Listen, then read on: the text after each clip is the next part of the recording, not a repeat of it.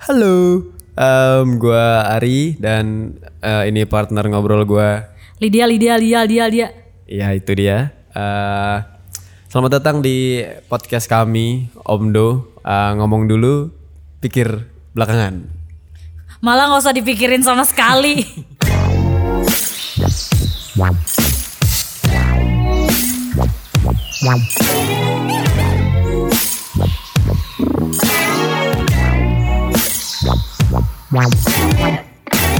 Eh, kali ini karena ini mendekati tahun baru. Gila, udah jelas lah nih topiknya nih jelas nih, jelas banget.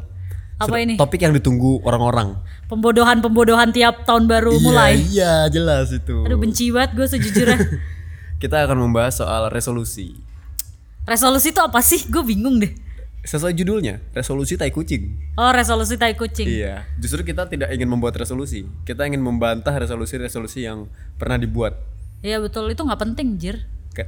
Ntar lu, ini gua kasih ininya dulu ya, eh, analogi bukan analogi, gua kasih pendapat dulu ya. Kenapa menurut gua resolusi itu udah nggak berguna lagi sekarang? Kenapa? Sautin dong kalau orang Oh, ngomong iya, iya. diem aja. Kenapa bos? Oh, gitu iya. Karena eh, kebanyakan orang itu membuat resolusi berdasarkan masalah yang dia hadapi di tahun sekarang, tahun yang udah lewat. Sedangkan menurut gua di tahun depan dia akan menghadapi masalah yang baru. Contoh misalnya kayak tahun gue pernah nih dulu gua gua lagi 2017 itu gua gua lagi belajar ngevlog. 2017 atau 16 16 gitu gue lupa. Belajar ngevlog tapi itu bolong-bolong tuh nggak rutin. Terus gua berniat dalam hati membuat res- resolusi di tahun depan gua harus uh, ngevlog dengan rutin, ngevlog, mulu. Abis itu ternyata pas tahun depan kebutuhan gua akan ngevlog sudah tidak penting lagi karena kan gue ngevlog belajar ngomong ya. Tahun berikutnya ternyata gue udah udah bisa nih ngomong, udah bisa presentasi, udah bisa uh, ya ya tampil dikit lah di depan umum udah bisa nih ngobrol sama orang udah bisa gitu. Jadi gua nggak butuh-butuh amat lagi soal ngevlog, gue menghadapi masalah baru yaitu manajemen. Gue harus uh, apa namanya? kerja sama tim itu yang yang gue yang gue masih bego di tahun berikutnya jadi resolusi yang kemarin tuh udah gak kepake Sia-sia. sia-sia jadi gue bikin sesuatu tuh kayak ngapain gue sosok ala-ala berjanji sama diri gue sendiri yang padahal di tahun depan masalahnya udah berubah Kalau gue belajar soal resolusi itu dulu, gue nggak tahu ya hal-hal tai kayak gini tuh munculnya dari siapa gitu. Tapi yang gue inget waktu gue kecil, sebelum countdown buat tahun baru, keluarga gue suka bikin ini nih ngasih anak-anak kertas, anak-anak apa namanya cucu-cucunya, ponakan-ponakan kertas, terus disuruh disuruh buat nulis tiga permohonan. Tiga permohonan tuh yang lo pengen banget. Nah, gue kan dari kecil kan emang udah visioner ya. Gue nulis satu jadi presiden, dua jadi presiden, tiga jadi presiden gitu. Gak pernah kejadian. Karena kayak gue mikir apa kalau misalnya ngomongin anak masih kecil ke- cita-cita resolusi nggak ada sih menurut gue. Karena kalau ngomongin masalah tiap hari lu kena masalahnya sama aja anjir susah kan. justru gue bertolak belakang sama lu Kalau apa? karena justru menurut gue masalah itu beda-beda terus nggak mungkin sama. Kayak- karena gini nih kalau orang bikin resolusi itu mereka berharap masalah yang dihadapi di kemarin itu sama sama ya- masalah yang akan dihadapi tahun depan. Itulah kenapa kayak kayak masalah yang tahun lalu dibawa ke tahun depan. Contoh paling simpel tuh gemuk. Tahun depan gua harus kurus. Emang tahun depan masa lalu cuman kegemukan doang? Kan nggak nanti ada yang baru lagi. Ya mendingan lu siapin diri lu buat menghadapi masalah yang baru harusnya masalah yang tahun ini tuh udah selesai di tahun ini. Kenapa lu bawa-bawa ke tahun depan gitu loh?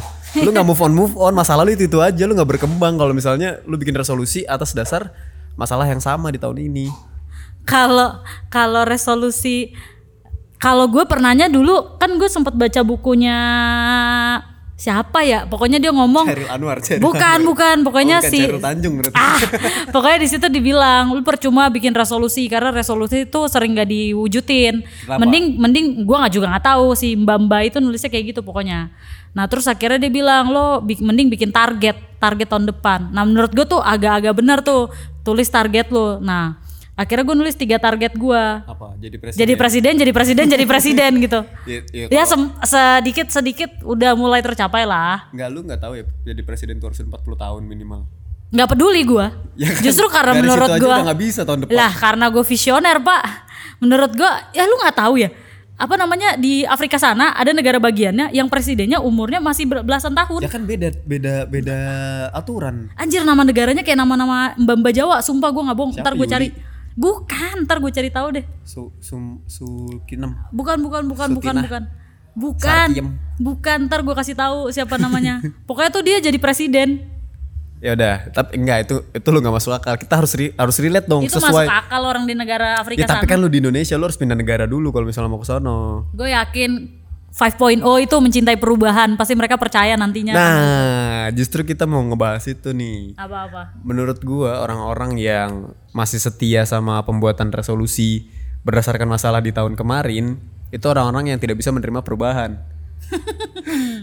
orang-orang yang yang yang tadi nggak nggak move on move on, jadinya kayak menurut mereka ya udahlah kayaknya masalah gue bakal ini doang jadi tahun depan gua harus solve masalah ini dibawa tuh sampai tahun depan dicoba lagi dengan cara yang sama cuman lebih giat dikit tapi caranya masih sama gitu udah gitu ntar tahun depan masih gagal dicoba lagi tahun depan resolusi lagi Eh tapi bentar intermezzo, lu pernah ngecekin ini gak sih? Re- lu pernah nanya-nanya resolusi teman-teman lu gak sih? Gue nggak tahu kenapa ya. Apa mungkin karena tongkrongan gua yang anak-anaknya Melayu total semua? Itu rata-rata ya. Ada kali 5 dari 10 orang temen gua, gue tanya resolusi lu apa? Pengen lupain mantan. nah itu bukan resolusi menurut gua Reso- coba coba kita bedah ya coba kita bedah nih kalau dari kata per kata resolusi itu kan berarti dia menanggulangi kan sol- mencari solusi re itu kan berulang ya Re itu bukan do re ya? Waduh, Do re mi fa sol la si do. du, du, du, udah dong jangan. Re sol bagian Aduh, dari do re mi. bukan dong. Coba deh, coba coba googling, googling, googling, googling, Sumpah, googling. Kalau menurut, udah coba aja. Nih sambil gua ala-ala ini mengulur waktu ya. Coba ya mengulur waktu nih. Resolusi itu adalah upaya-upaya yang dilakukan untuk memecahkan masalah yang sudah terjadi. Bener gak? Salah. Apa? Digunakan dalam konteks tuntutan hasil rapat satu kelompok organisasi atau semacam yang akan diajukan itu resolusi sebenarnya Gimana gimana? itu, Itu- tuh itu diambil dari mana? KBBI coy Bukan nih dari Jogja Tribun News. oh Jangan dari KBBI aja nih resolusi. putusan beneran Nih itu. Putusan atau kebutuhan pendapat berupa permintaan atau tuntutan yang ditetapkan oleh rapat musyawarah atau sidang. Pertanyaan pernyataan tertulis biasanya berisi tuntutan tentang suatu hal. Oke.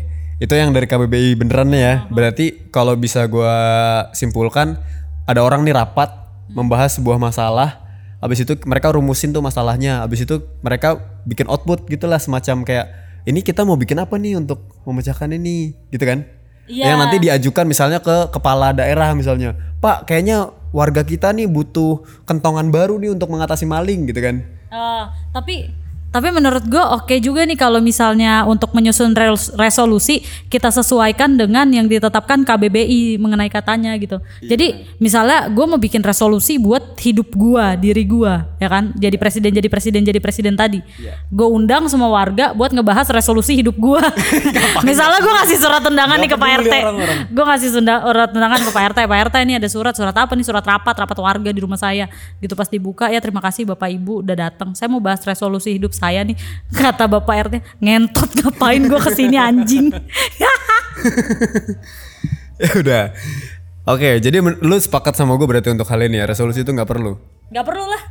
nah kalau misalnya resolusi nggak perlu harusnya tahun baru itu orang ngapain menurut lu Tahun baru itu seharusnya ya selain bakar-bakar sama temen gimana gimana bakar-bakar. ya kan biasanya tahun baru pasti ada acara bakar-bakar sama temen atau enggak nonton kembang api selain itu itu soalnya menurut gue masih nggak apa-apa itu kan sekadar perayaan aja Oh gue kalau tahun baru tuh kebetulan karena gua, teman gue banyak ya. Jadi party sih.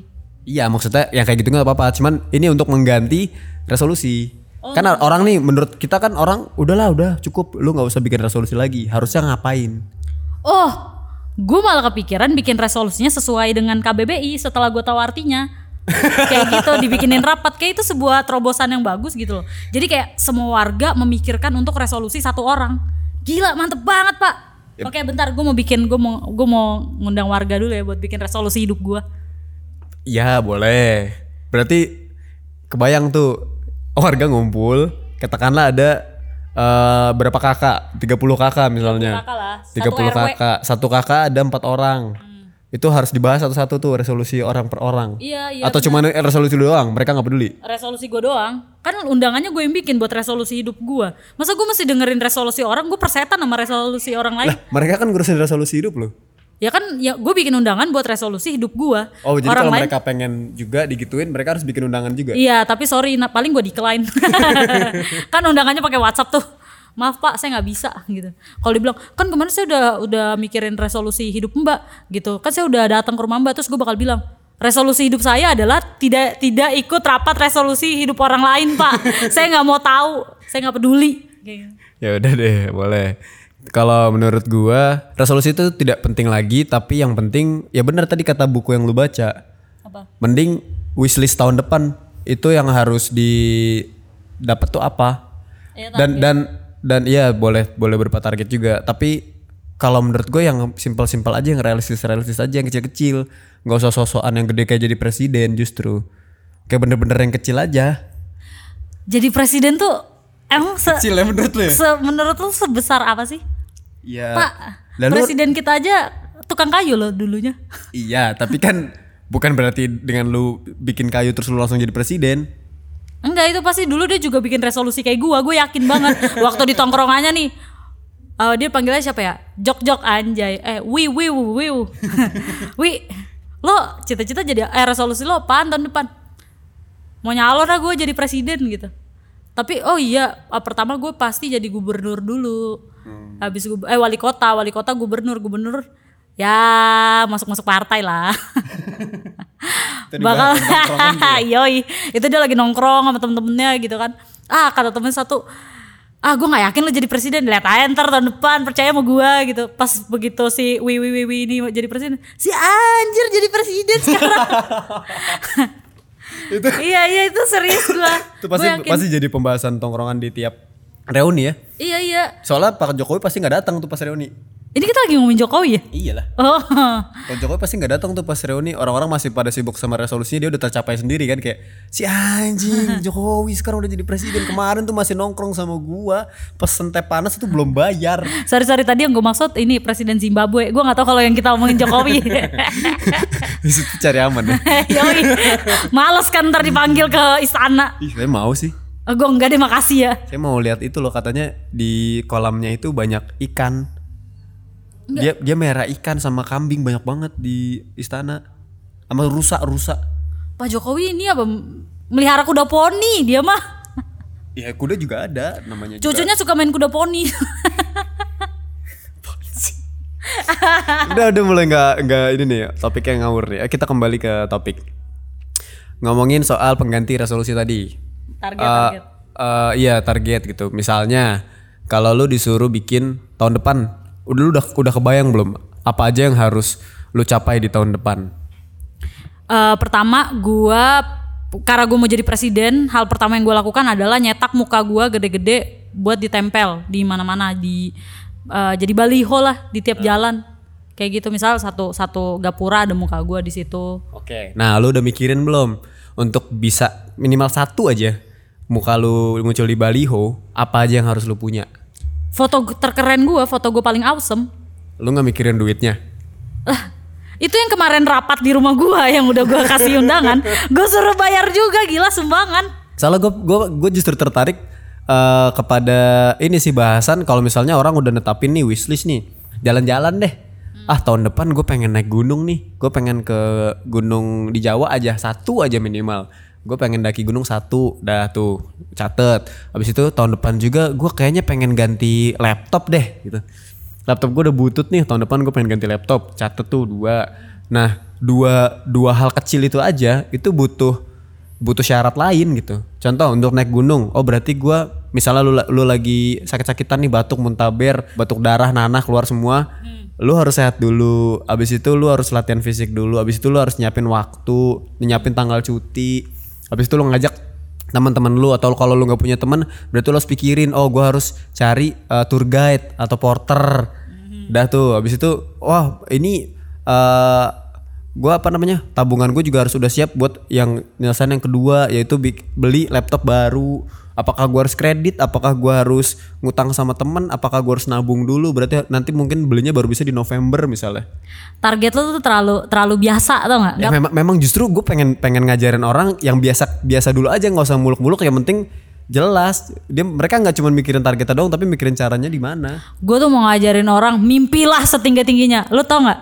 Gue inget banget nih ya selain cita-cita gue jadi presiden ya eh selain ini target itu bukan cita-cita cita-cita gue mau jadi presiden. Cita-cita gue cuma kayak hidup di desa udah itu doang nah cuma kalau target gue ya karena yang paling deket apa ya paling deket sama gue tuh buat jadi presiden jadi gue mikir ya udahlah target terdekat gue aja jadi presiden gitu kan karena gampang. Selain itu gue inget banget dua tahun lalu ini gak gue tulis jadi target tapi gue pernah mikir kayak asik sih kayaknya kalau gue bisa foto sama satu orang dan ketemu sama satu orang. Gue pengen banget. Pa- tapi gue nggak ada chance ya. Dan itu baru terwujud bu- eh, bulan ini tahun ini. Oh gue tahu. Siapa? Limbat. Yoi. itu sumpah ya dua tahun lalu gue mikir gue mikir gue pengen banget sepengen itu buat ketemu sama Limbat. Kayak apa sih rasanya gitu? Itu gue kepikiran buat ketemu sama Limbat semenjak gue mendengar suara dia untuk pertama kalinya. Mengatakan kalimat yang kayak waktu itu dia lagi eh, apa eh, bu, naik haji kalau nggak salah terus dia haji dia naik haji pak Serius, ada naik videonya ada videonya terus Libat bukannya mistis-mistis gitu Kagak, dia sekarang eh, ilmu Tobat. putih, ilmu putih, ilmu putih. nah, terus habis itu dia bersin kayak alhamdulillah gitu. Terus gue mikir, anjir, Limbat udah mengeluarkan suara nih. Gue manggil dia eh, master, master Limbat udah pak mengeluarkan suara. Gue gimana ya caranya buat ketemu dia gitu kan? Gue DM gak pernah dibales gitu. Gue komen-komen gak pernah dibales. Ya udahlah, gue follow aja nggak di fallback gitu kan ya jelas siapa lu gue udah bilang master fallback dong master fallback dong master fallback dong gitu terus ya udah gue mikir kapan ya gue punya kesempatan buat ketemu sama dia. Dan kemarin pas gue ke Senayan City gue ketemu sama Limbat pak di depan Zara. Gimana ceritanya? Buset bangga banget gue limbat kalau belanja di Zara? Di Zara. Dia itu jubah-jubah hitamnya itu belanja di Zara? Zara. Dia belajar di Zara gila lo lo harus tahu. Buset. Itu yang awal tuh ada banyak orang gitu kan. Itu lu lagi ngapain ke Zara Waktu itu- temen lu ke Zara banyak duit Enggak, enggak. Jadi waktu itu gue ada di depannya gitu, lagi ada produksian. Terus gue ngeliat dari jauh nih kayak limbat. Terus temen gue bilang, eh itu limbat gitu. Pas gue liat, anjir master. gue gue langsung jalan kan. Gue jalan ke arah limbat. Mas, kita jaraknya tuh sekitar berapa ya? Katakanlah jaraknya tuh 500 meter lah, 500 meter dari tempat gue duduk ke tempatnya limbat berdiri dalam Zara. Terus gue awalnya gue optimis nih, gue harus ke limbat. Nah udah setengah setengah perjalanan di tengah-tengah gue mikir, ini tolol sih kalau gue ke depan dia gitu kan. Pas udah makin deket ya, makin deket sama limbat, gue takut anjir. Terus tapi ya udah, kira ujung-ujung gue foto. Pas gue bilang, Master bersin dong. gue sempet ngomong kayak gitu. Dia cuma kayak, hmm, gitu dong. tapi nggak apa-apa, intinya gue udah foto sama dia. Tuh gue udah bangga banget lah. Terus gue bilang, thank you Master, saya udah foto sama Master. Terus gue genggaman tangan sama dia. Dia juga genggam tangan gue, kagak mau dilepas, gue tarik anjir. Terus gue kabur. Terus HP gue sempet ketinggalan lagi katanya, Mbak Mbak HP ketinggalan. Orang yang bilang HP gue ketinggalan yang di, yang motoin itu berdiri sebelah limbat. Gimana lo kalau jadi gue anjir? Rasanya pengen gue wakafin tuh HP. Tapi akhirnya gue ambil. Gue ambil terus gue ngibrit lari. gua apa ya pengalaman gua yang tercapai rata-rata yang simpel-simpel kayak tadi sih. Karena ya menurut gua kalau tadi kan lu bilang mimpi itu setinggi tingginya supaya apa? Bisa jatuh di antara langit-langit dan bintang-bintang. Kagak. Biar kalau jatuh nggak kesampaian tuh sakit banget. itu doang tujuannya. kan banyak orang yang bilang kayak mimpi tuh harus tinggi tingginya gitu. Supaya kalau misalnya minimal jatuh pun nggak nggak nggak jauh-jauh amat gitu. Misalnya kayak mimpinya 10 meter berarti jatuhnya tuh mungkin 5 meter gitu. Menurut gue tuh aneh sih Enggak, enggak. Gue nggak setuju konsep jatuh di antara bintang-bintang kalau setinggi-tinggi. Bintang kan panas ya melepuh lu bego. kalau gue ya udah mimpi setinggi-tingginya biar kalau nggak tercapai udah nggak tercapai aja gitu. biar kalau pupus pupus sekalian Dia deh. pupus sekalian. Ah, iya gua- kalau itu gue setuju Gue masih percaya soalnya gue bisa jadi presiden gitu. Siapa pun bisa jadi presiden. Negara kita demokrasi pak, anjay. Gila gila gila gila gila gila gila. Besok nih kita dipanggil nih ke kementerian. boleh sih Enggak sih lu aja, gue nggak mau ah. Ntar kalau ditanya Lydia mana eh, podcast Omdo diundang sama presiden, lu bilang "Eh, Lydianya nggak bisa datang sakit pilek gitu. orang lagi operasi aja ditungguin kalau sama pemerintah mah ditungguin sampai keluar buat disidang apalagi cuman pilek Enggak, soalnya gue bingung kalau gue ketemu Jokowi mau ngomong apa anjir? ya udah kita ganti topik andai kata kita ketemu sama Pak Jokowi lu mau ngomong apa gue dulu kali ya kalau kan surprise nih pasti nih jawaban lo kalau jawaban gue kan standar Kalau gue ketemu Pak Jokowi, gue mau bilang nggak ada sih, Nggak ada kan? nggak ada sih. Gue nggak pernah pengen ketemu juga. Maksudnya biasa aja gitu. Gue gue dari dulu juga sama artis juga nggak ada yang pengen ditemuin. Kayak tadi kan lu pengen pengen ketemu Limbat kan. Artis yang gue pengen temui nggak ada juga loh. Nggak ada. Nggak ada. Paling udah meninggal Beatles. Ada nggak tapi yang lo pengen tanyain ke Pak Jokowi apa gitu? Apa ya Pak Jokowi itu kebun segede gitu ngasih makan rusa sama ikan-ikannya susah gak sih sehari berapa kali gitu sih paling? Ya itu pertanyaan standar. Karena menurut gua dia harusnya tiap hari tuh nggak cuma ngurusin negara, masa ya dia nggak pengen main sama ikan-ikan dan rusa-rusa? Itu gue pernah nonton salah satu youtuber datang ke istana nanyain pak ini lele dikasih makan pakai apa? Dalam hati gue goblok lu ya. Ya kalau itu bodoh. Ya dikasih makanan-makanan lele dong. Iya, Yang tadi gue tanyain kan kegiatannya apakah dia itu uh, sehari-harinya tuh cuma ngurusin negara terus gitu. Karena kalau gue jadi dia, katakanlah gue punya tujuh hari, dua hari gue habisin buat main sama lele dan ikan nila atau gurame dan segala macam ke perkebunan itu sih karena gue suka gitu ngurusin halaman. Itu yang bakal lo tanyain ke Pak Jokowi. Gue kasih saran sih itu bukan nanya. Itu saran dari gue tuh Pak udahlah Pak jangan ngurusin negara mulu negara aja kagak mikirin lu gitu. Ngapain lu mikirin negara? Udah mendingan lu mikirin ikan-ikan ini, lu mikirin kebun yang luas ini, main sama lele-lele iya. Kalau gua kalau gua ketemu Pak Jokowi ya yang pengen gue tanyain adalah Pak, Bapak pernah nggak ngetik nama Bapak di Primbon nyari arti nama gitu? Soalnya kan sebagai rakyat biasa, villager, villager, villager. Kalau itu sih gue yakin dia pernah karena dia kan pernah jadi rakyat dulu. Lah kan kita nggak pernah tahu. Atau enggak gini deh. Kan dia pernah nongkrong sama teman-teman yang tadi. Atau enggak gini, Bapak pernah nggak baca zodiak Bapak gitu hari ini lah, ramalannya gimana? Tapi di majalah gadis Pak, kayak gitu. Soalnya kalau halo apa kabar tuh biasa banget. Kalau gue jadi Pak Jokowi, kapan lu ketemu gue anjir? Nanya apa kabar? Emang lu nggak lihat updatean di berita gitu? Kabar gue bagaimana? Kabar gue pusing. Hai, nama saya Rangga Azov. Hai, nama saya Haiko van der Beken. Hai, saya Misha Chandrawinata. Hai, saya Angela Jilsyad. Assalamualaikum, saya Duda Harlino. Hai, saya Alisa Subandono Jangan lupa untuk saksikan Sinetron Samudra Cinta di video dan jangan lupa juga follow channel SCTV di video. Cinta nih adik kita juga. gimana kalau sampai cinta tahu. Ini bukan cinta pada pandangan pertama. Ini cinta sejati.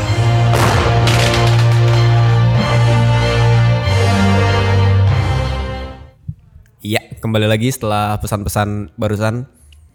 eh kita sekarang bahas soal tipikal orang-orang yang ditemui ketika tahun baru. Kalau gua kan pasti basic nih. Gua ja- kalau lu udah pasti aneh-aneh nih ntar nih yang ditemui nih. Gue mulai dari yang basic dulu. Biasanya orang yang gue temui di jalan itu, gue dulu pernah sekali-kalinya dan ini kapok, nggak nggak akan gue pernah lakuin lagi. Ngabisin tahun baru di tengah bundaran HI, jalan dari Monas ke bundaran HI. Itu lu ngapain? Ya ini nonton kembang api sama teman-teman. Oh, Itu kalau nggak salah masih kuliah. Kayak gue gue nongkrong tadi nongkrong nih di, di tempat temen. Habis itu bakar-bakar yuk gitu. Pas bakar-bakar eh, ini kan minta patungan kan. Patungan arang ada, panggangan udah ada gitu. Patungan cuma dapat dikit. Kayak anjing segini mah dapat apaan gitu kan. Pada bokeh semua akhirnya ya udahlah kita jalan-jalan aja lah gitu cari cari jajanan terus jalan. Udah tuh udah jalan kita jalan kalau nggak salah dari jam eh, 10-an kan harusnya ke Monas cuma sejam tuh dari Rempoa gitu. Anak-anak Rempoa nih dari Rempoa ke Monas harusnya cuma satu jam. Naik motor. Kalau naik mobil mungkin lama. Naik motor itu pun sampai Monas itu jam 12 jadi gue baru parkir itu eh, apa namanya Bi- bintang-bintang lagi apa sih namanya? Kembang api itu udah udah meledak-meledak ya udah kita lari lah tuh ke tengah gitu. Berusaha pengen videoin. Ala-ala kan anak zaman dulu. Berusaha pengen videoin udah sampai tengah-tengah kembang apinya bubar orang-orang bubar tinggal sampah-sampah doang. Kalau kalau setelah itu gua kapok kayak tahun depan tahun depannya kalau diajakin sama mereka lagi gua nggak pernah mau ikut lagi. Kalau gua ya, gua kalau tahun baru tuh pasti acara gitu. Entah ada acara sama keluarga. Paling banyak sih sama keluarga kalau tahun baru. Ya sederhana lah kayak barengan ngumpul sepupu-sepupu berdoa bareng gitu. Itu standar. berdoa Iya doa ya doain orang tua lah biar biar sehat-sehat aja gitu kan. Bukan biar umur panjang, biar sehat aja gitu. nah, terus kalau kalau beberapa tahun terakhir tuh gue tahun baru ke eh, beberapa eh, di ke bareng sama orang-orang yang bukan keluarga gue. Cuma yang cringe banget tuh pernah ya. Gua Asik bahasanya cringe. Anak jaksel lu ya. kagak bego itu Lu bahasa lu Inggris. ini ya apa YouTuber react ya? Hah, emang youtuber ya kapan? Ya, Ngomongnya cringe mulu. Nggak tahu sih gue sejujurnya. kan gue nggak pernah di YouTube gue cuma nontonin apaan. Nggak nontonin itu apa apa tuh namanya tadi? YouTuber react. React. Reaction. Oh reaction. Enggak enggak nggak pernah. Gue nggak tahu juga soalnya. Ya. Nah terus waktu itu gue sama teman-teman gue kan, terus lagi ngumpul gitu rame-rame. Nah kita datang ke satu satu tempat, terus itu emang acaranya lagi tahun baru di situ. Pas lagi tahun baru gitu, pas mau udah mau di, udah 30 menit menuju countdown, di meja sebelah gua duduk itu ada muda-mudi gitu duduk bikin harapan dan mereka tuh saling pelukan satu sama lain dan gue denger salah satunya ngomong kayak gini gue seneng banget masih ada kalian di tahun ini dalam hati gue anjir nih. Gue berharap di tahun depan kita masih bisa ketemu lagi. Apaan sih anjir? Ini kan ntar lagi tahun depan. Lu juga ketemu ketemu lagi apaan sih? Aneh banget kayak dalam hati gue apaan sih nggak penting tahun resolusi lu acara ini nggak nggak penting ada tau nggak? Kayak gitu doang terus ya, kan, udah. ya kan itu kan eh, cara orang Oh, bentar nih ada yang nih? keren. Habis itu ya, pas countdown 3 2 1 Wah, itu se, se, setempat itu ya. Kebetulan tempatnya semi-semi tempat prostitusi. enggak, enggak, enggak. Oh, gua tahu. Pasti cipokan. Yoi. gua ngeliat kan. Gua kayak Astagfirullah, apa yang dilakukan mereka? Astagfirullah, mereka ngapain? Mereka ngapain? Orang tuanya bagaimana? Oh, iya. pengen gue videoin, gue masukin lambe-lambe itu. gue juga pernah menghabiskan tahun baru di eh, klub. Idi, Waktu itu sama si Kinur. eh iya apa ya? Eh gue lupa deh. Sama Kinur apa bukan ya? Eh kayak bukan deh, bukan bukan, bukan sama Kinur. Iya. Bukan bukan sama Kinur. Pokoknya tapi gue pernah di di sebuah klub kan udah tiga tahun belakangan ini gue kalau eh, tahun baru tuh selalu di kantor. Nah, Eh, tahun pertama gue di kantor itu sama Israel, ah. sama Kinur juga deh kalau nggak salah sama si Kifurai. Udah cuman bakar-bakar doang di kantor nggak jelas gitu kan. Kayak nggak punya temen. Emang nggak punya temen tuh orang. Termasuk gua nggak punya temen gitu kan. Gak ada yang ngajak nih. Ya udahlah kita ngajak diri sendiri. Siapa aja ini yang nggak- pernah diajak tahun baruan gitu ngobrol bareng bakar-bakar. Sekalian jagain kantor biar nggak dimaling orang. Tahun kedua sama gitu lagi. Tahun kedua ada Miko, motor Kinur hilang. tahun tahun baru kagak ngapa-ngapain padahal itu malam cuman minum-minum doang terus eh, subuh-subuh tidur pagi-paginya motor Kinur udah hilang. Tuh udah kesannya tuh kesan buruk semua gitu.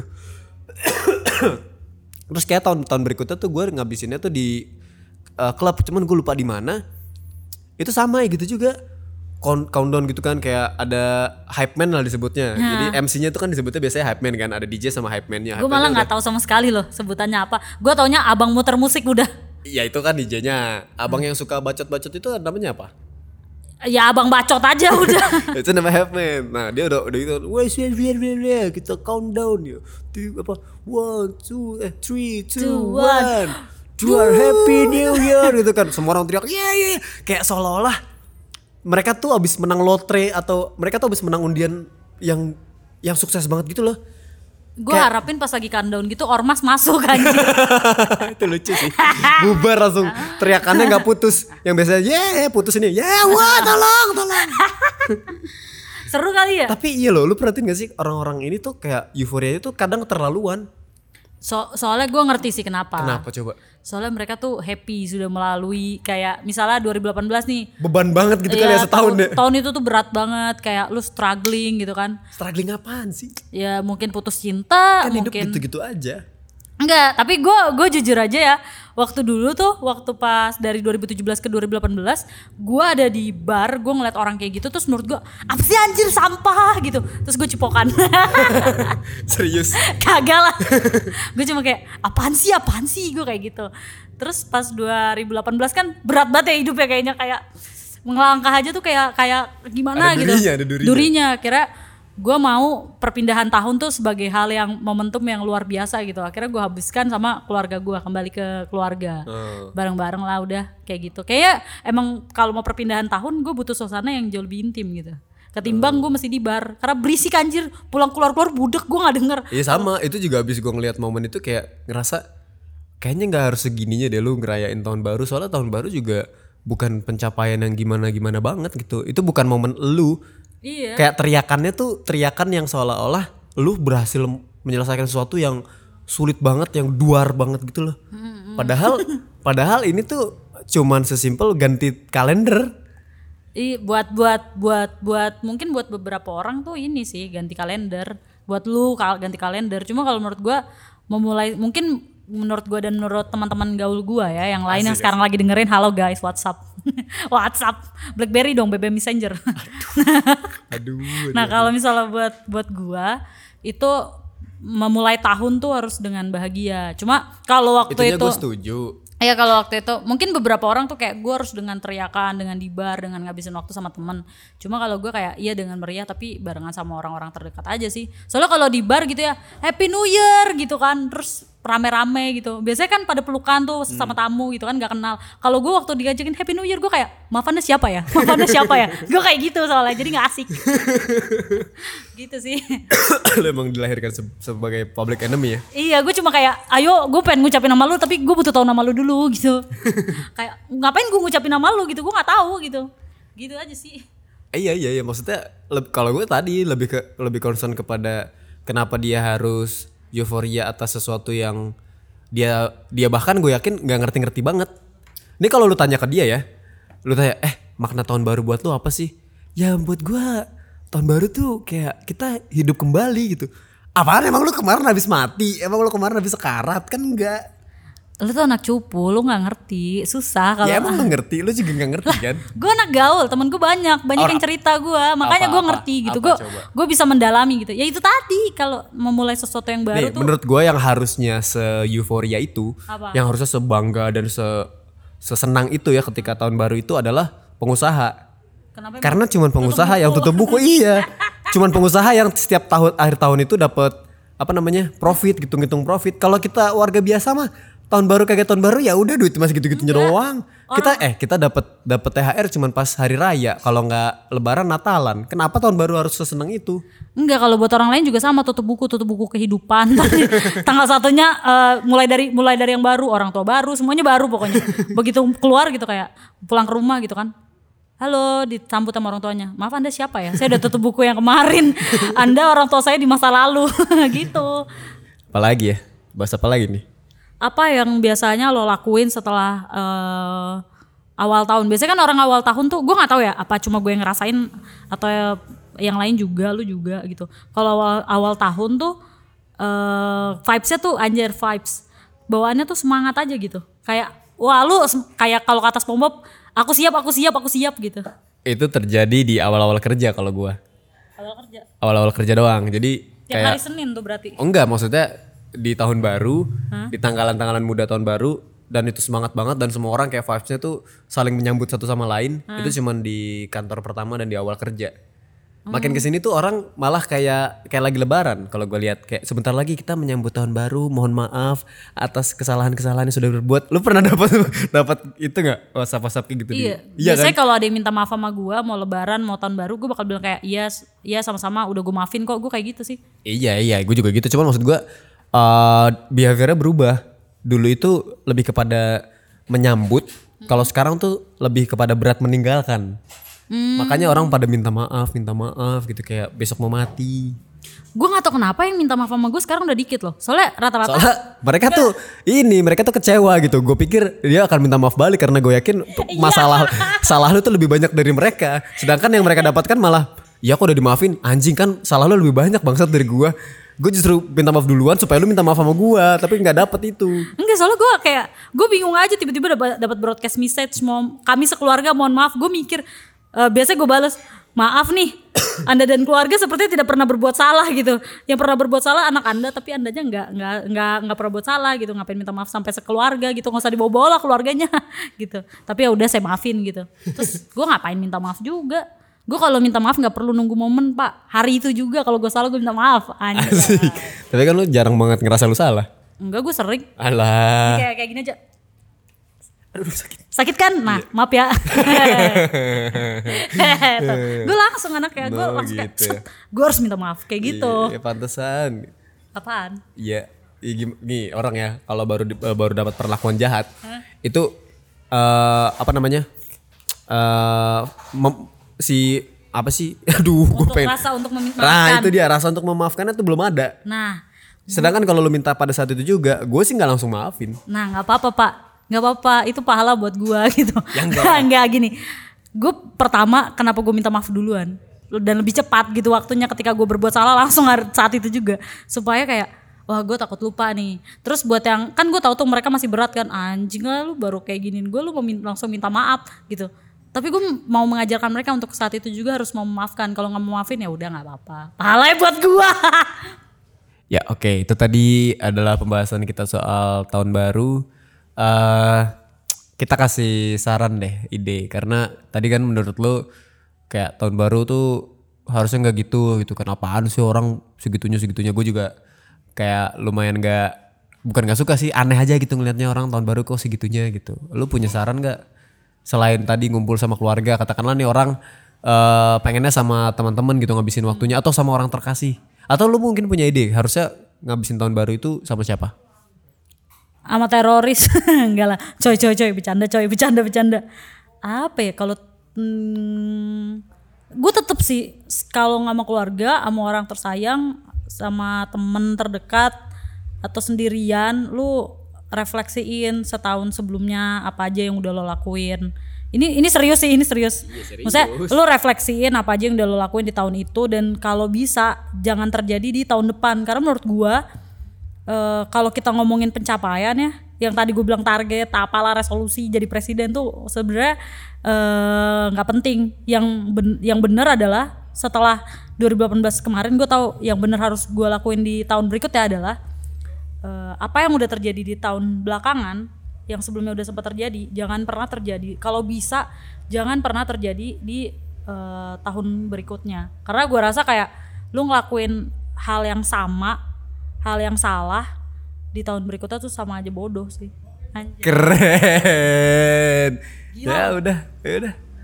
sorry itu tadi saya cuma bercanda Udah. lu apaan? Ya bener itu. masa lu nggak ada Ya benar udah sama. Ya lah yang lain dah Just, justru Enggak enggak coba-coba lu lu lu coba menggunakan kata-kata lu yang baik itu. lah enggak. Tadi kan gue justru men- menyebutkan itu di awal bahwa se- seharusnya orang itu tidak melakukan kesalahan yang sama. Nggak bisa harus ganti lagi yang bagusan Lah, dikit tapi. orang gue udah duluan ngasih tahu itu di depan. Ah, ribut aja yuk. Lah bener dong, tadi kan gue udah bilang gitu. Ngapain sih lu resolusi-resolusi orang itu masalahnya udah lalu. Yaudah harusnya kalau gitu resolusi yang kalau gitu gue saran gue gue ganti deh. Ya udah, lu mau ganti apa? Saran gua semuanya tahun baru cita-cita semua ganti jadi presiden dah tuh. Ya udah, terima kasih.